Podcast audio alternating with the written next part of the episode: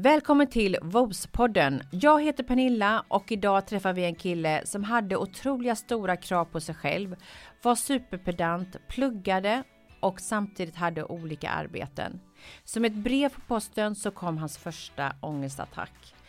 Hela livet vändes upp och ner och han levde länge med psykisk ohälsa i hemlighet för de flesta i hans närhet. Det slutade med ett självmordsförsök. Han heter Charlie Eriksson och driver organisationen Aldrig ensam som stöttar och hjälper andra med psykisk ohälsa.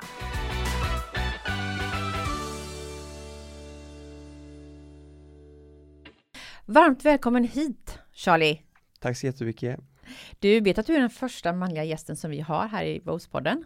Ja, spännande! Ja, du får känna dig lite hedrad idag! Ja, verkligen! Ja. Eh, idag ska vi prata om psykisk ohälsa som du själv i högsta grad har varit med om.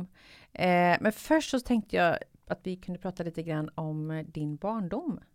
Du var ju ett livligt barn när du var liten och visst bodde ni i Varberg?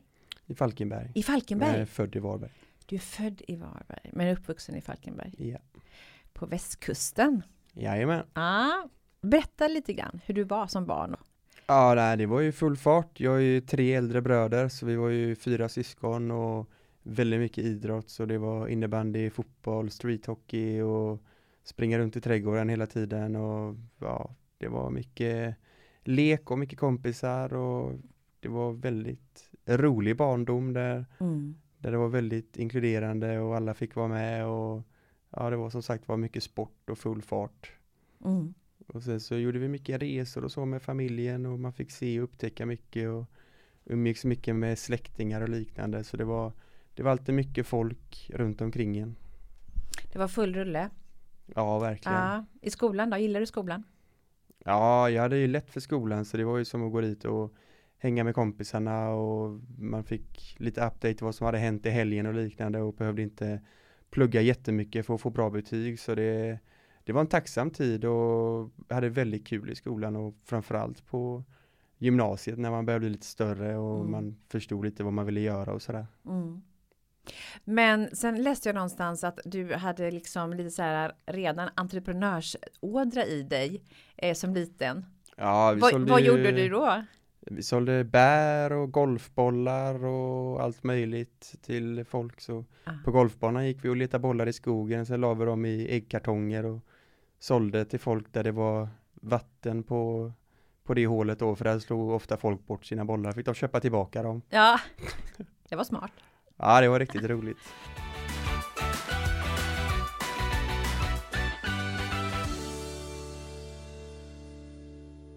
Du beskriver dig som ganska rastlös och rotlös. Sen hängde du ganska mycket i Göteborg innan du började plugga i universitetet i Kalmar.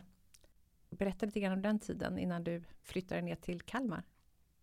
Ja, det var väl i samband som jag började, samma veva som jag började gymnasiet så mm. började jag ju vara i Göteborg mycket för då fick jag en kompis i Falkenberg som hade sina rötter i Göteborg. Mm. Och då hade de lägenhet där så då började vi bo där på helger och lov och så började träffa hans eh, kompisar från hans tid i Göteborg då. Mm. Och det är ju några av mina närmsta vänner nu fortfarande. Så egentligen från 15 års ålder så var jag i Göteborg så mycket det bara gick och det var ju jättekul att komma till storstan från Falkenberg och man kunde gå i affärer som inte fanns hemma och man satt på café och fika och såg massa människor och mm. folk klädde sig annorlunda och betedde sig annorlunda och allt var möjligt och ja, det var verkligen eh, spännande att alltid åka till Göteborg och det var liksom, det fanns inga gränser här. Nej. En, var... en större stad än Falkenberg. Ja, nej, det, det var helt mer. otroligt. Ja. Så det var, nej, jag fastnade direkt och nu bor jag här så det, det har väl gjort någon form av avtryck. Ja, trivs du bra i Göteborg? Ja, verkligen. Nu? Ja, är det goa gubbar som bor här som alla pratar om? Eh, både och. Nej men det är väldigt Ja men du som kommer utifrån, du kan ju liksom eh, Jag tycker att göteborgarna säger så här, ja men vi är goa gubbar Men hur känner du? Är, är det så i Göteborg? Är det, är det gott gäng eller är det lite blandat eller vad? Hur är stan? Det är väldigt lätt tycker jag i alla fall att komma in i Göteborg och Alltså dels som privatperson och träffa nya människor men även som företagare att få nya kontakter och man får hjälp med grejer och man lotsas vidare till den hjälpen man behöver med sitt företag och så. Och det känner jag inte riktigt har varit samma sak till exempel i Stockholm. Där är mer reserverat och man behöver bevisa sig innan man får hjälp att ja, du är ny i gamet här. Det, du får ju visa att du kan någonting innan vi hjälper dig. Mm. Men Göteborg har varit mer att det är öppen famn och man får kontakter och man lotsas vidare och kopplas in i möten och så vidare Mm. på ett helt annat sätt. Jag blir väldigt... Eh, Så det känns mindre prestige i Göteborg. det tycker du? Ja, men det är ju skönt. Eh, om vi går tillbaka lite grann då till eh, den tiden då du valde att söka in på universitetet i Kalmar eh, och kom in och flyttade ner.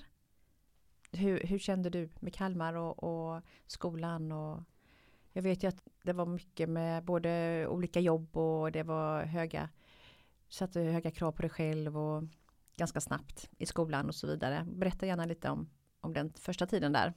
Ja, egentligen från första början anledningen till att jag sökte till den utbildningen var att eh, det var en av få ekonomiutbildningar på den tiden där man inte behövde det som hette matte C då. För jag hade bara läst matte B för det var inte mitt ämne.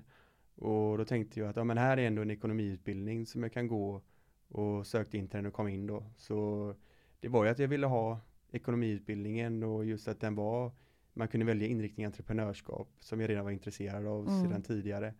Så det kändes riktigt bra rent utbildningsmässigt och sen eh, Kalmar hade jag ingen relation till. Jag visste bara att det låg eh, ja, men nära havet och det var en kuststad och sådär och jag hade varit på Öland innan. Så jag visste ju ändå att det var en fin, ett fint ställe att bo på antagligen.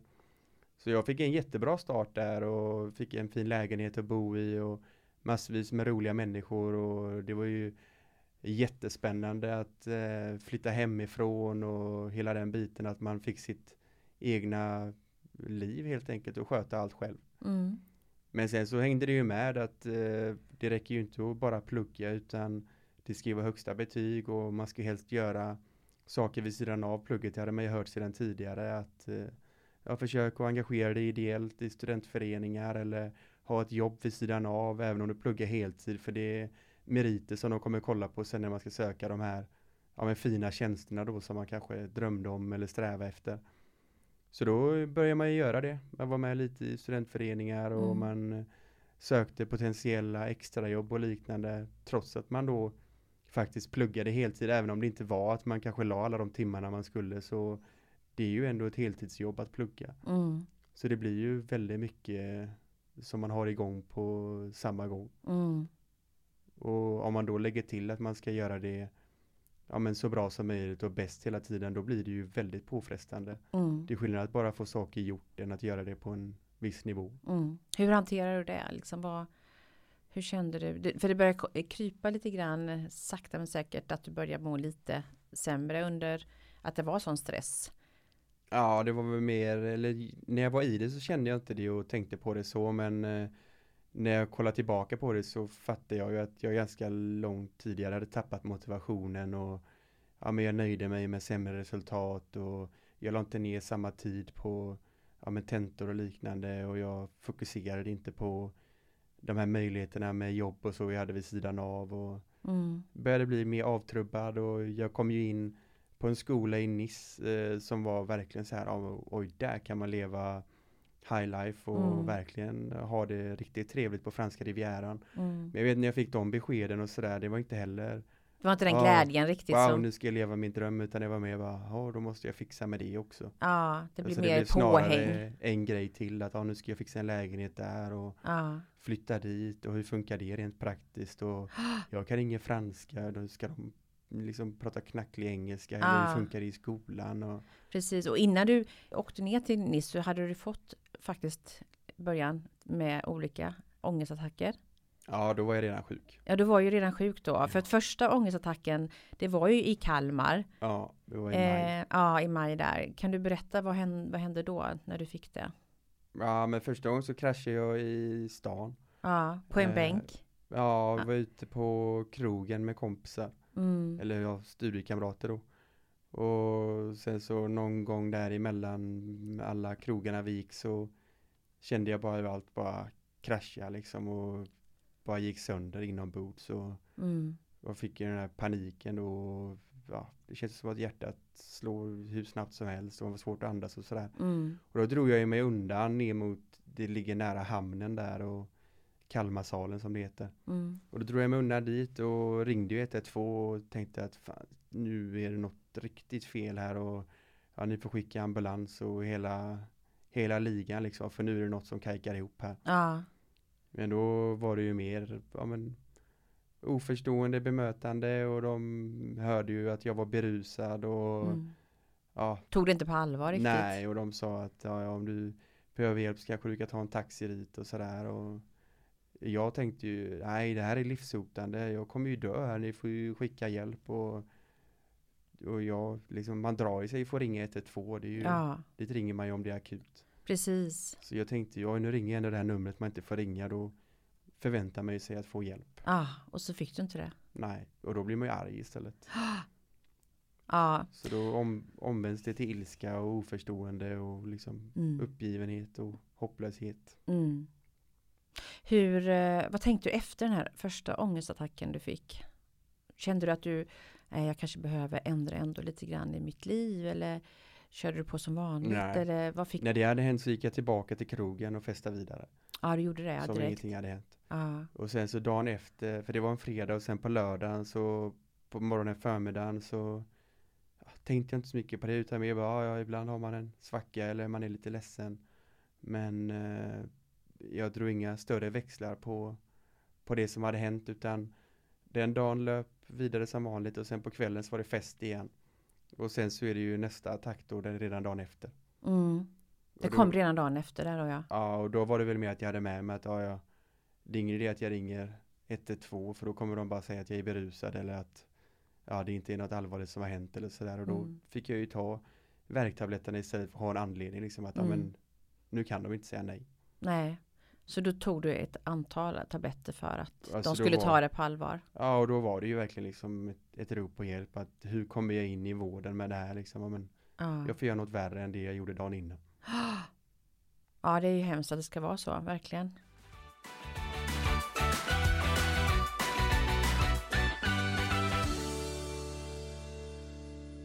Du åkte hem till eh, Uppsala sen efter ett tag va?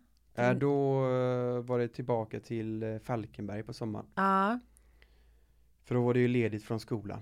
just det. Så då var du där. Så då åkte jag hem till Falkenberg och ja, bodde hos mamma och pappa då, Mm. i huset och jobbade på en bensinmack, Mm. sommarjobb. Mm. Och då var jag ju väldigt dålig och ja, gick på behandlingar i Halmstad på sjukhuset och gick på mediciner och så då. Mm. Men då Träffade ju- psykolog och... Ja, då var det allt sånt. Men då hade jag ju också ett mål att ja, men, jag måste må bättre i ja, början av augusti för då ska jag flytta till Nice. Just det.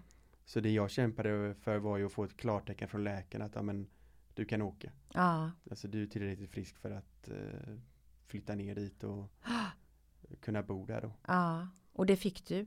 Ja. Hur- Hur var den sommaren då hemma i, hos Ja, dina föräldrar ja, liksom? det var ju tungt, då var jag ju väldigt dålig, jag orkade ingenting. Nej. Så jag jobbade ju halvtid har jag för mig. Ja. Och så sjukskriven på halvtid då.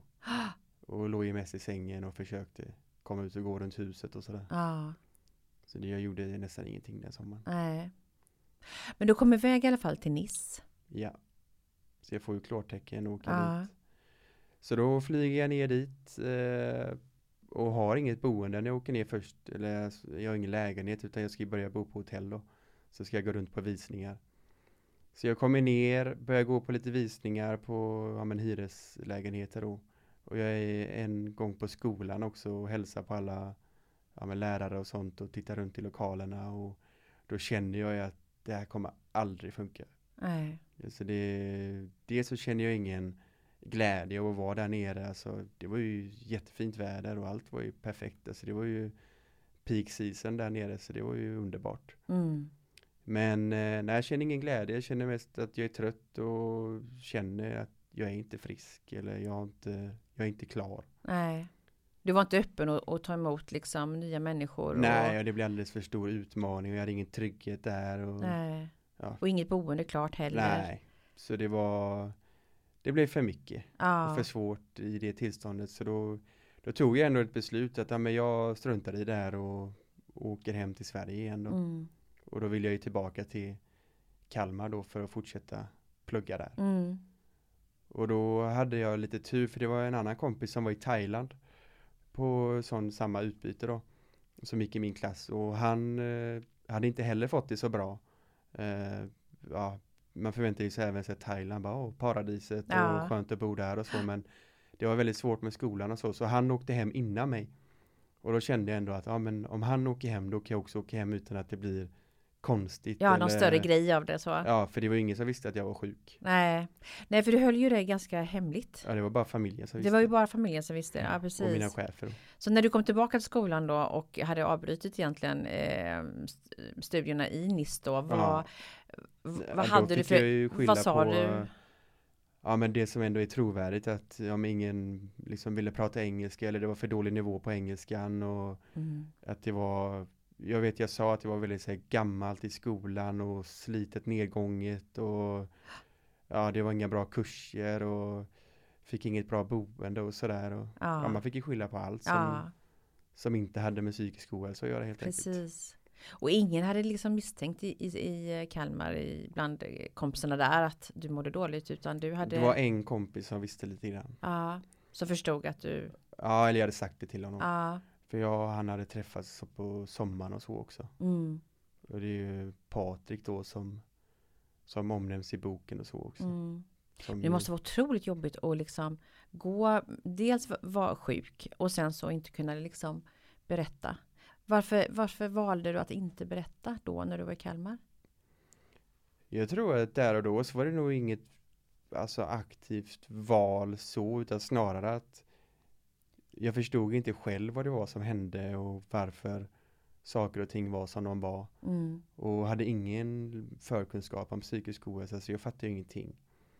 Och sen så är det ju, eller då var det ju rädsla att ja, men hur ska folk se på det här? Och jag var ju liksom uppe i toppen och ville ju inte riskera att det skulle hamna på mitt på min identitet att ja, men nej, han är svag och det är psykisk Mm. ohälsa och han kommer aldrig klara att få toppjobb och nej, liknande och göra karriär och det var ju inget man ville ha på sitt CV och sådär så, nej. så det blev att man Det bara man blev, blev så. tyst av, av fördomarna och skammen. Mm, Så det var egentligen inget man alltså, valde så i, det, i den stunden. nej. Utan det bara blev så. Men nu, nu efteråt så kan du kanske känna att det måste också varit väldigt jobbigt. Att inte vara dig själv. Ja men man var ju otroligt trött och ledsen varje gång man kom hem ah, till sin lägenhet. För då hade man ju hållit uppe den här fasaden kanske en hel dag i skolan. Alltså man mådde ju hur dåligt som helst för man satt där och ja men är man lite den här spralliga roliga killen med så det, det tar ju energi. mm, Och sen så kommer man hem och då kan man slappna av och vara sig själv och vara sjuk liksom. Och då, Mm. Det blir ju väldigt tungt. mm, precis. Men sen när du kom tillbaka till Kalmar då så äh, träffade du en tjej där, Rebecka vet jag, som var, stöttade dig ganska mycket. Ja, det var ju hon som jag tyckte var skolans snyggaste tjej. Ja, Så jag tänkte, för det var också sen när jag kom tillbaka till Kalmar, jag bara, ja men nu har jag faktiskt allt att vinna. Jag skiter i det här nu, för nu vet jag att jag mår så otroligt dåligt. mm.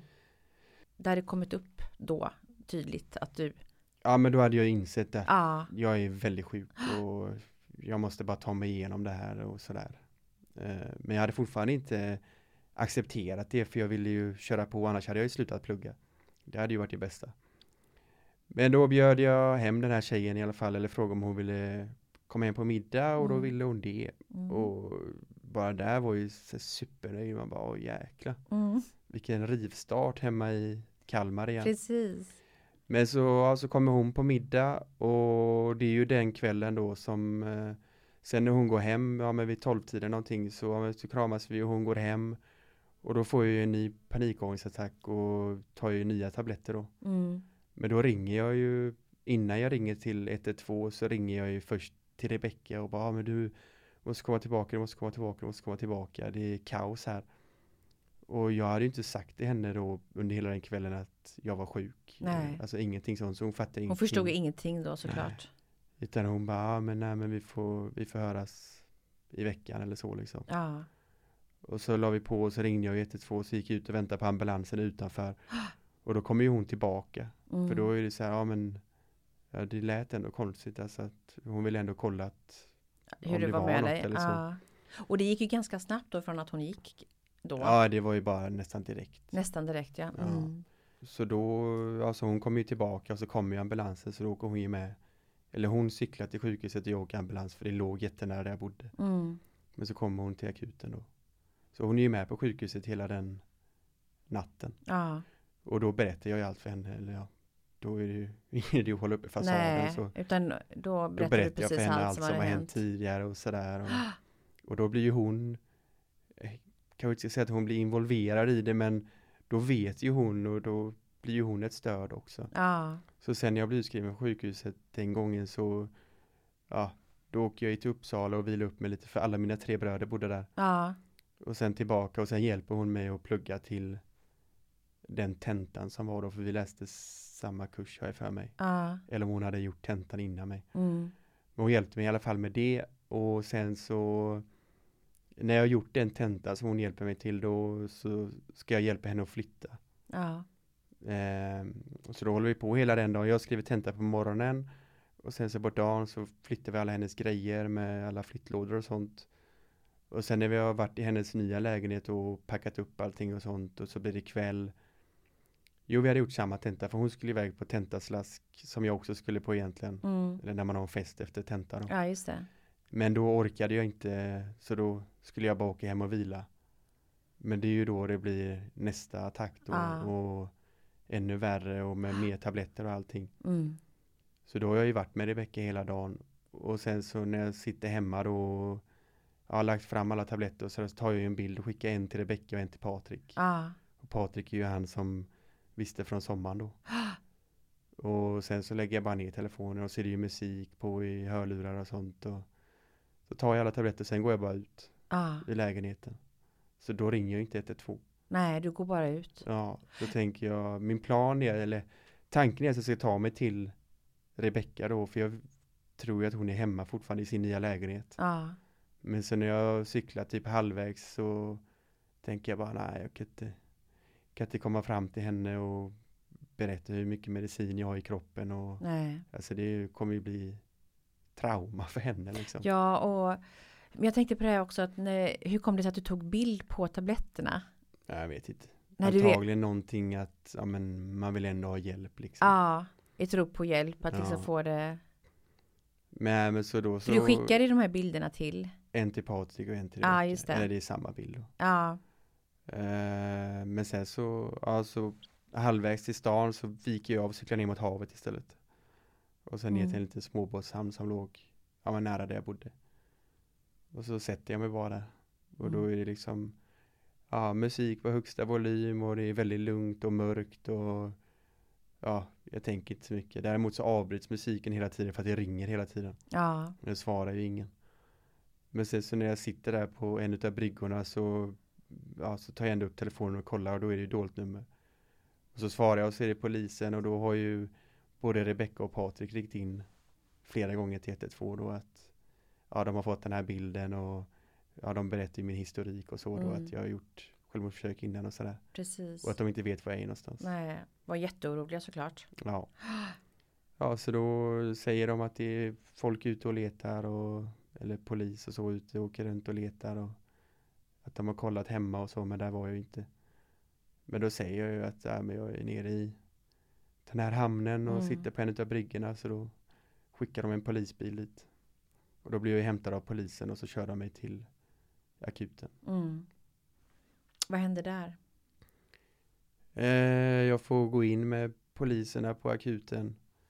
Eller först är det att en polis frågar i bilen då, ja men hur mycket har du fått i dig och sådär. Så skriver hon ner det. Och så ska hon gå in och kolla om jag ska direkt in på undersökning eller om jag ska sätta mig i väntrummet då.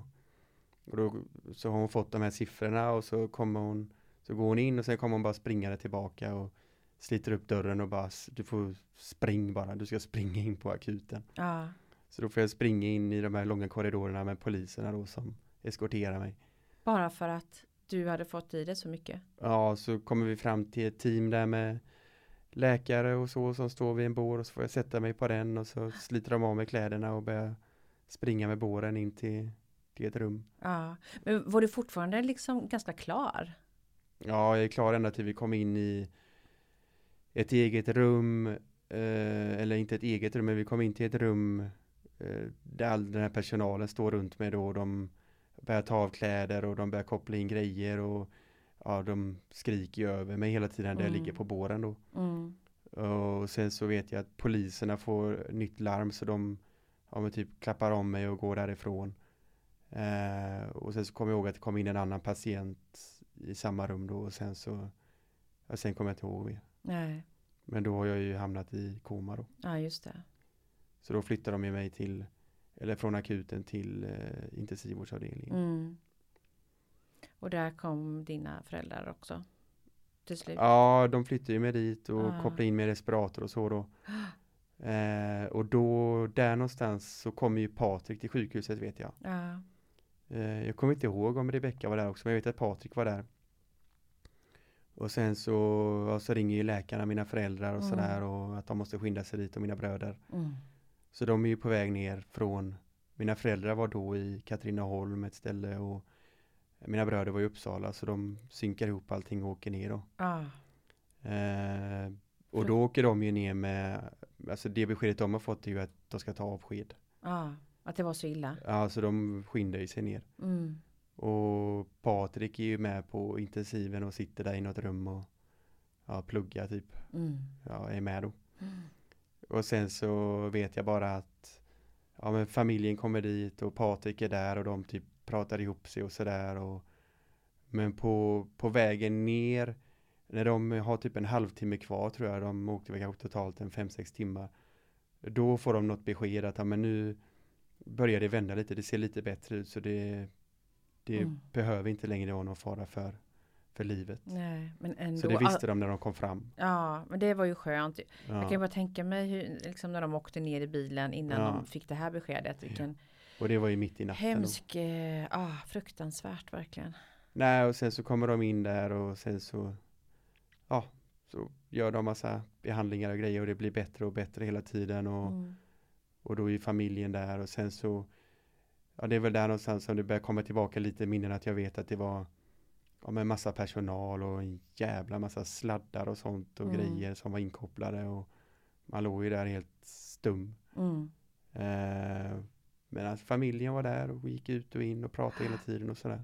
Var, du, var du rädd då eller var du bara glad att du överlevde? Eller vad, vad, vilka känslor har man när man, liksom, när man vaknar Nej, upp? Och helt man, nollställd. man är helt man är Jag nollställd. kände faktiskt ingenting. Nej, jag gjorde inte det. Inte, inga känslor utan Nej, helt neutral. helt neutral. Ja. Jag tror inte man alltså man, kan man är nog så skyddad också tror jag, eller att kroppen stänger av, att man kan liksom inte ta in situationen. Nej. För det vet jag sen när vi, ja men någon dag senare eller två dagar senare när jag var inlagd på, ja men på psykiatrin då eller på PIVA. Så, ja då vet jag mina föräldrar sa någonting typ, ja när vi kom dit så var det inkopplade respirator och så, och då visste inte jag att jag hade varit inkopplad i respirator så jag bara, Nej. var jag det? Jag säger, jag fattar ingenting. Nej. Så det, jag, Min, visst, jag visste ju ingenting. Mm. Men eh, du blev ju inlagd då på psyket Mm. i två veckor ungefär. Ja. Hur var den tiden? ja, det var speciellt. Ja. Man är ju inlåst. Ja. Eh, Jag hade ju högsta bevakningen. Så man gör ju ingenting själv, alltså det är, det är folk med överallt, eller personal. Mm. Och sen så jag för mig att det var en sex, sju vårdplatser någonting på den avdelningen så man blir som en liten familj. Mm. Pratar mycket med de andra patienterna och så. Och det var ju väldigt alltså, spännande på ett sätt hur olika människor det var som var där inne. För det var ju mycket så här folk kom och gick och så men det var liksom alla Alla slags människor. samhällsklasser och yrken och Ja. åldrar och allting. Väldigt olika historier. Mm. Och då fattar man ju att ja, men, psykisk ohälsa är liksom inte ett att du kan sätta det i ett fack utan det Nej. drabbar alla. Det drabbar alla. Mm. Mm. Vad, vad tog du med dig därifrån? Det var nog just det att det, det är verkligen alla som drabbas och att det alltså alla de här fördomarna så är ju det Det är ju fel. Mm. Och det- Var du sån person som hade fördomar innan? Nej, det var nog samma där, att jag var ganska nollad, att jag, det fanns nog inte ens i min värld, alltså jag Nej. tänkte inte alls på det. Nej. Jag hade ingen relation till ingen anhörig eller så som jag kände till eller Nej. som jag hade varit i kontakt med. Så jag var nog egentligen bara helt nollad, att det, det händer inte mig. Nej. Jag hade inte ens en tanke på det. Nu så här ganska många år efteråt då. Vad tror du, vad tror du det berodde på att det hände dig? Ja, men mycket med stress, eh, höga ambitioner, höga krav, göra för mycket saker. eh, Att man aldrig vilar utan det är liksom högsta växeln hela tiden. Och även att man inte bearbetar saker och tar tag i saker och pratar om saker som, som man går igenom hela tiden. Allt från stora saker till att personer kanske går bort eller förhållanden som tar slut och så till mindre Mm. saker som kan ligga och gro och bli stora problem med tiden. Mm. Så just att man inte hanterar och tar tag i saker som, som man går igenom.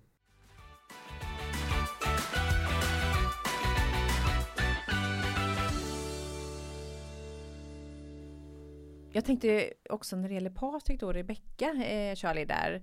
Hur blev du tillsammans med Rebecka sen eller vad, vad hände? Ja, vi blev ett par och, var ett par i ett bra tag. Men eh, vi är inte det längre idag. Men vi, jag ska säga att vi har en fin relation och önskar henne all lycka och allting i livet. Jag är jättetacksam för allt som hon gjorde för mig och hjälpte mig att komma tillbaka på banan. Och sen även då Patrik som var med på sjukhuset. Vi är ju fortfarande jättenära vänner och Mm. gjort resor ihop efter och nu bor ju han i Stockholm så vi ses ju inte hela tiden men Nej. vi hörs på telefon och pratar och håller kontakten. Ah. Det är vänner för livet båda två. Ja, verkligen. Som ändå varit med dig liksom i den svåra perioden som du hade. Ja, Mm.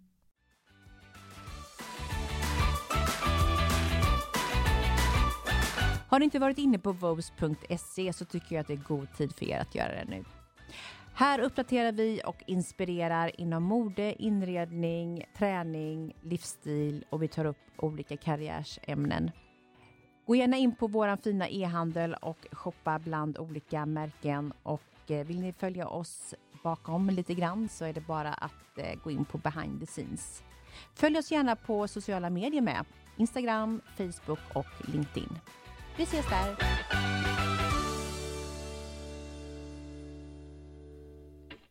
Jag vet att du, eh, du började ju skriva av dig kan man väl säga på Facebook en hel del. mm.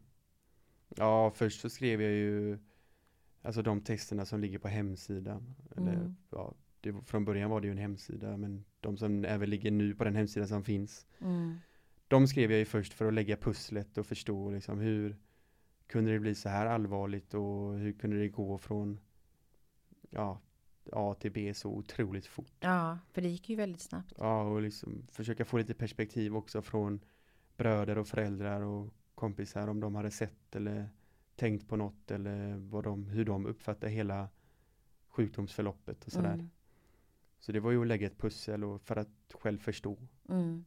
Eh, och de Det var ju de som jag sen la upp på en hemsida då. Ja, precis. Men eh, Facebook-sidan har i alla fall varit grunden eh, till att du startade Ja. Aldrig ensam. Ja, det har ju hela tiden varit eh, plattformen så att säga. Ja, precis. Och det är ju där som du säger att jag ja, skriver i början mycket om vad jag gjorde då eller om man gick på behandlingar och sånt. Och Mm. Sen mer om min historia och hur man kopplar det till aktuella nyheter och även för att slå hål på myter och förbättra folks kunskaper om psykisk ohälsa. Mm.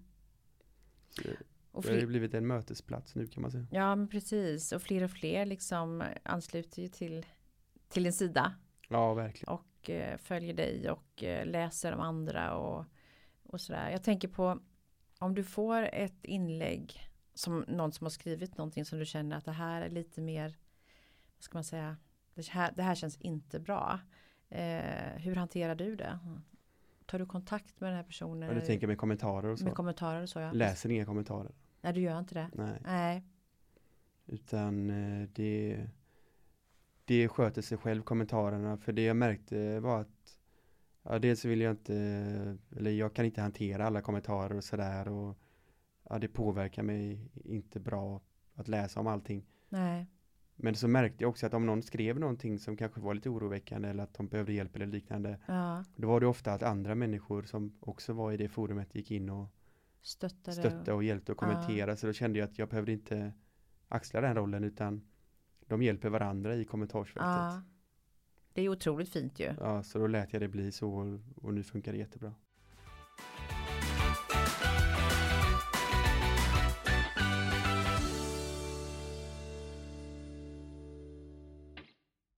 Du har ju också du har gjort en hel del föreläsningar och stora föreläsningar Ja, under de här åren som har gått nu ja. fram till eh, covid här nu till pandemin.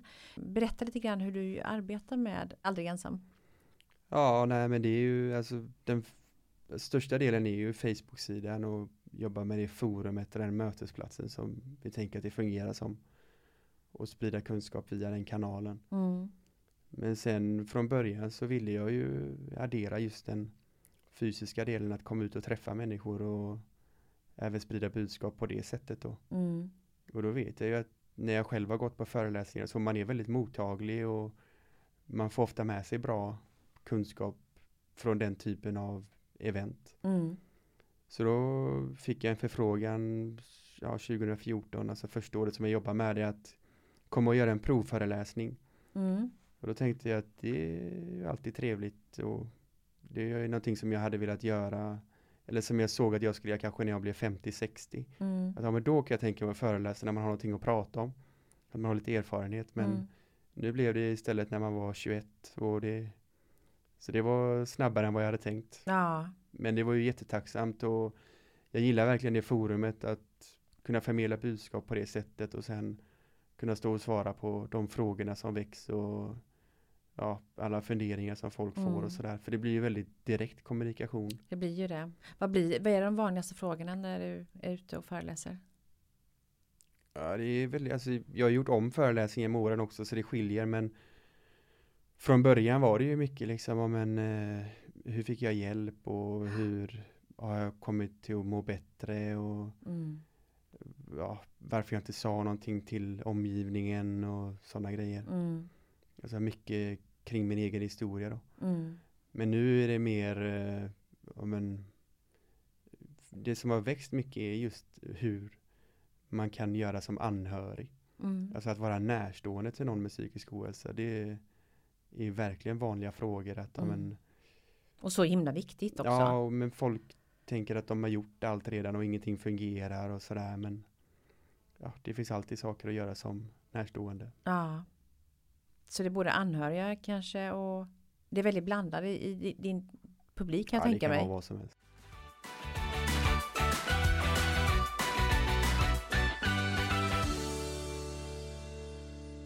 vad är ditt mål nu med eh, Aldrig ensam? Just nu har jag faktiskt inget mål utan det är snarare bara att hålla den nivån som vi är på nu. Alltså att fortsätta ha väldigt stor spridning med de budskapen vi har och ta fram nya ja, men filmer och sånt som vi har jobbat mycket med och även hitta nya sätt att nå ut till människor som vi kanske inte har nått ut till än Mm. och hitta kreativa sätt att nå dem. Mm. För hela verksamheten är ju egentligen att hitta platser och samband att nå ut till olika typer av människor. Mm, precis. Så vissa genom att vi gör olika samarbeten inom sporten, andra bara rakt av sociala medier. Medan vissa kanske är via musik, eh, vissa med den här föreställningen vi hade. Ja. Alltså det handlar ju hela tiden om att nå ut till nya människor. Så fortsätta hitta nya ja, men, arenor att synas på Mm. och få ut budskap på. Det är ju jätteviktigt och det är ju tyvärr så att, att psykisk ohälsa ökar ju. Speciellt bland yngre. Mm. Vad tror du det beror på? Ja, det är ju en jättesvår fråga men jag tror ju dels att det har med sociala medier att göra, att det blir nya ideal, förväntningar, man ser så himla mycket framgång och aldrig baksidan.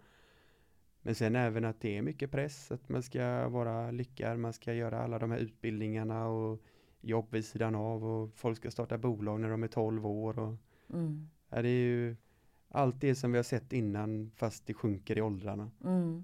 Alltså den här hela tiden prestationssamhälle men nu ännu längre ner i åldrarna. Mm. Det, ja, det är ganska hemskt att det, att det är så. Och frågan är hur, hur vården och alla de som arbetar med detta tar an sig det här stora problemet som växer. Ja, och som jag ser det så är det ju en stor del är ju kunskapen. Mm.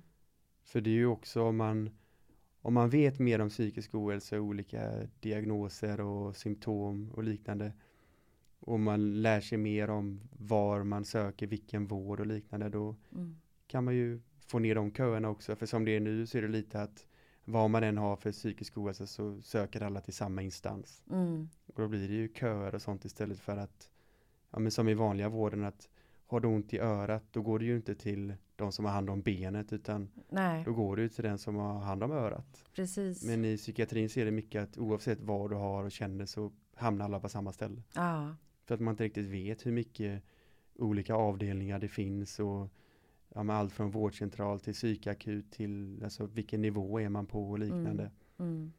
Så det, ju, det blir ju istället en stor flaskhals där alla ska in på samma ställe. Mm. Jag tänker sen när pandemin börjar ja, fida ut lite grann, förhoppningsvis försvinna så gott som i alla fall, kan man ju hoppas på. Mm, Kommer du börja och föreläsa så igen och gå ut igen? Jag vet faktiskt inte. Nej, Jag har inte eh, bestämt det än. Eller föreläsa kan man säkert göra mm, alltså några gånger så, för det är ju väldigt, jag tycker det är väldigt kul också att komma ut. Men däremot så vet jag inte hur det blir med de här större turnéerna som vi har gjort med artister och så, föreställningar mer. För det, dels så behöver man se nu vad som händer med alla de evenemangen som var bokade förra året mm. och de som skulle varit i år. Alltså allting är ju uppskjutet och ah. Många lokaler kanske till och med har fått stänga och sådär. Det är ju en väldigt oviss Tid. bransch att titta på i dessa tider. Så jag tror att eh, jag kommer nog sitta ganska lugnt i båten och se lite vad som händer. Och sen kommer man antagligen bli supertaggad på att åka ut igen. Så då blir det väl någon jättestor turné trots allt. Men Mm. det är inget som vi skyndar fram i alla fall. Nej. Vi kan ju också säga att eh, man kan ju skänka ett bidrag till Aldrig ensam. Ja, det går bra. Ja, Jag har din- inte de numren i huvudet men nej. Det finns allt ju på, på det, hemsidan. din hemsida, precis. Jag tänkte, vad går bidragen till? det är ju mycket till att bygga de här kampanjerna och Mm. liknande. Att verkligen ut i sociala medier och skapa filmer och material som når ut ur bruset. Mm. Och sen även då som när vi gjorde den här turnén och liknande, att komma ut och träffa människor. Att ta sig till alla de här städerna där det kanske inte alla tar sig utan många kör ju bara storstäder. Mm. Men då ville vi ut till även de mindre städerna och komma till deras teatrar och köra vårt koncept. Mm. Så det är ju egentligen alltså helhetsarbetet. Eh, alltså, vi öronmärker ju inga pengar utan allt går till det dagliga arbetet. Mm. Hur mår du idag? Ja, det är ju livsfarligt att säga nu, men jag är ju förkyld. Ja, det, ja precis. Men är du, du är ju, det var ju inte covid Nej. som Jag, tur var. Du har ju faktiskt haft covid. Om vi nu då Ja. ska göra lite sidospår så vet jag ju att i november skulle vi ju podda. Ja, Visst var det så? ja, Och sen, eh, och då fick du ju, jag blev sjuk i oktober tror jag. eller i oktober, så var det ja. Och det blev ju väldigt långdraget och du är ju egentligen inte riktigt, Nej, jag har ju än. långtids-covid. ja Så vi får väl se. precis, du var till och med in, inlagd också ett tag va? Ja, jag fick ju massa svullnader på händer och fötter och ben och Ah. allt möjligt. Så då var de ju rädda att jag hade en infektion utöver covid då. Mm. Som satt på alla, jag kommer inte ihåg vad de kallar det nu, men just, alltså det kan sätta sig i alla leder och sånt. Mm. Ja, det, det slår väldigt konstigt i alla Mm. fall. Men vi kan ju säga att du, det var ju negativt nu i alla fall. Så nu kunde vi träffas. Ja, Ja, det var nu ju var det skönt. bättre. Ja.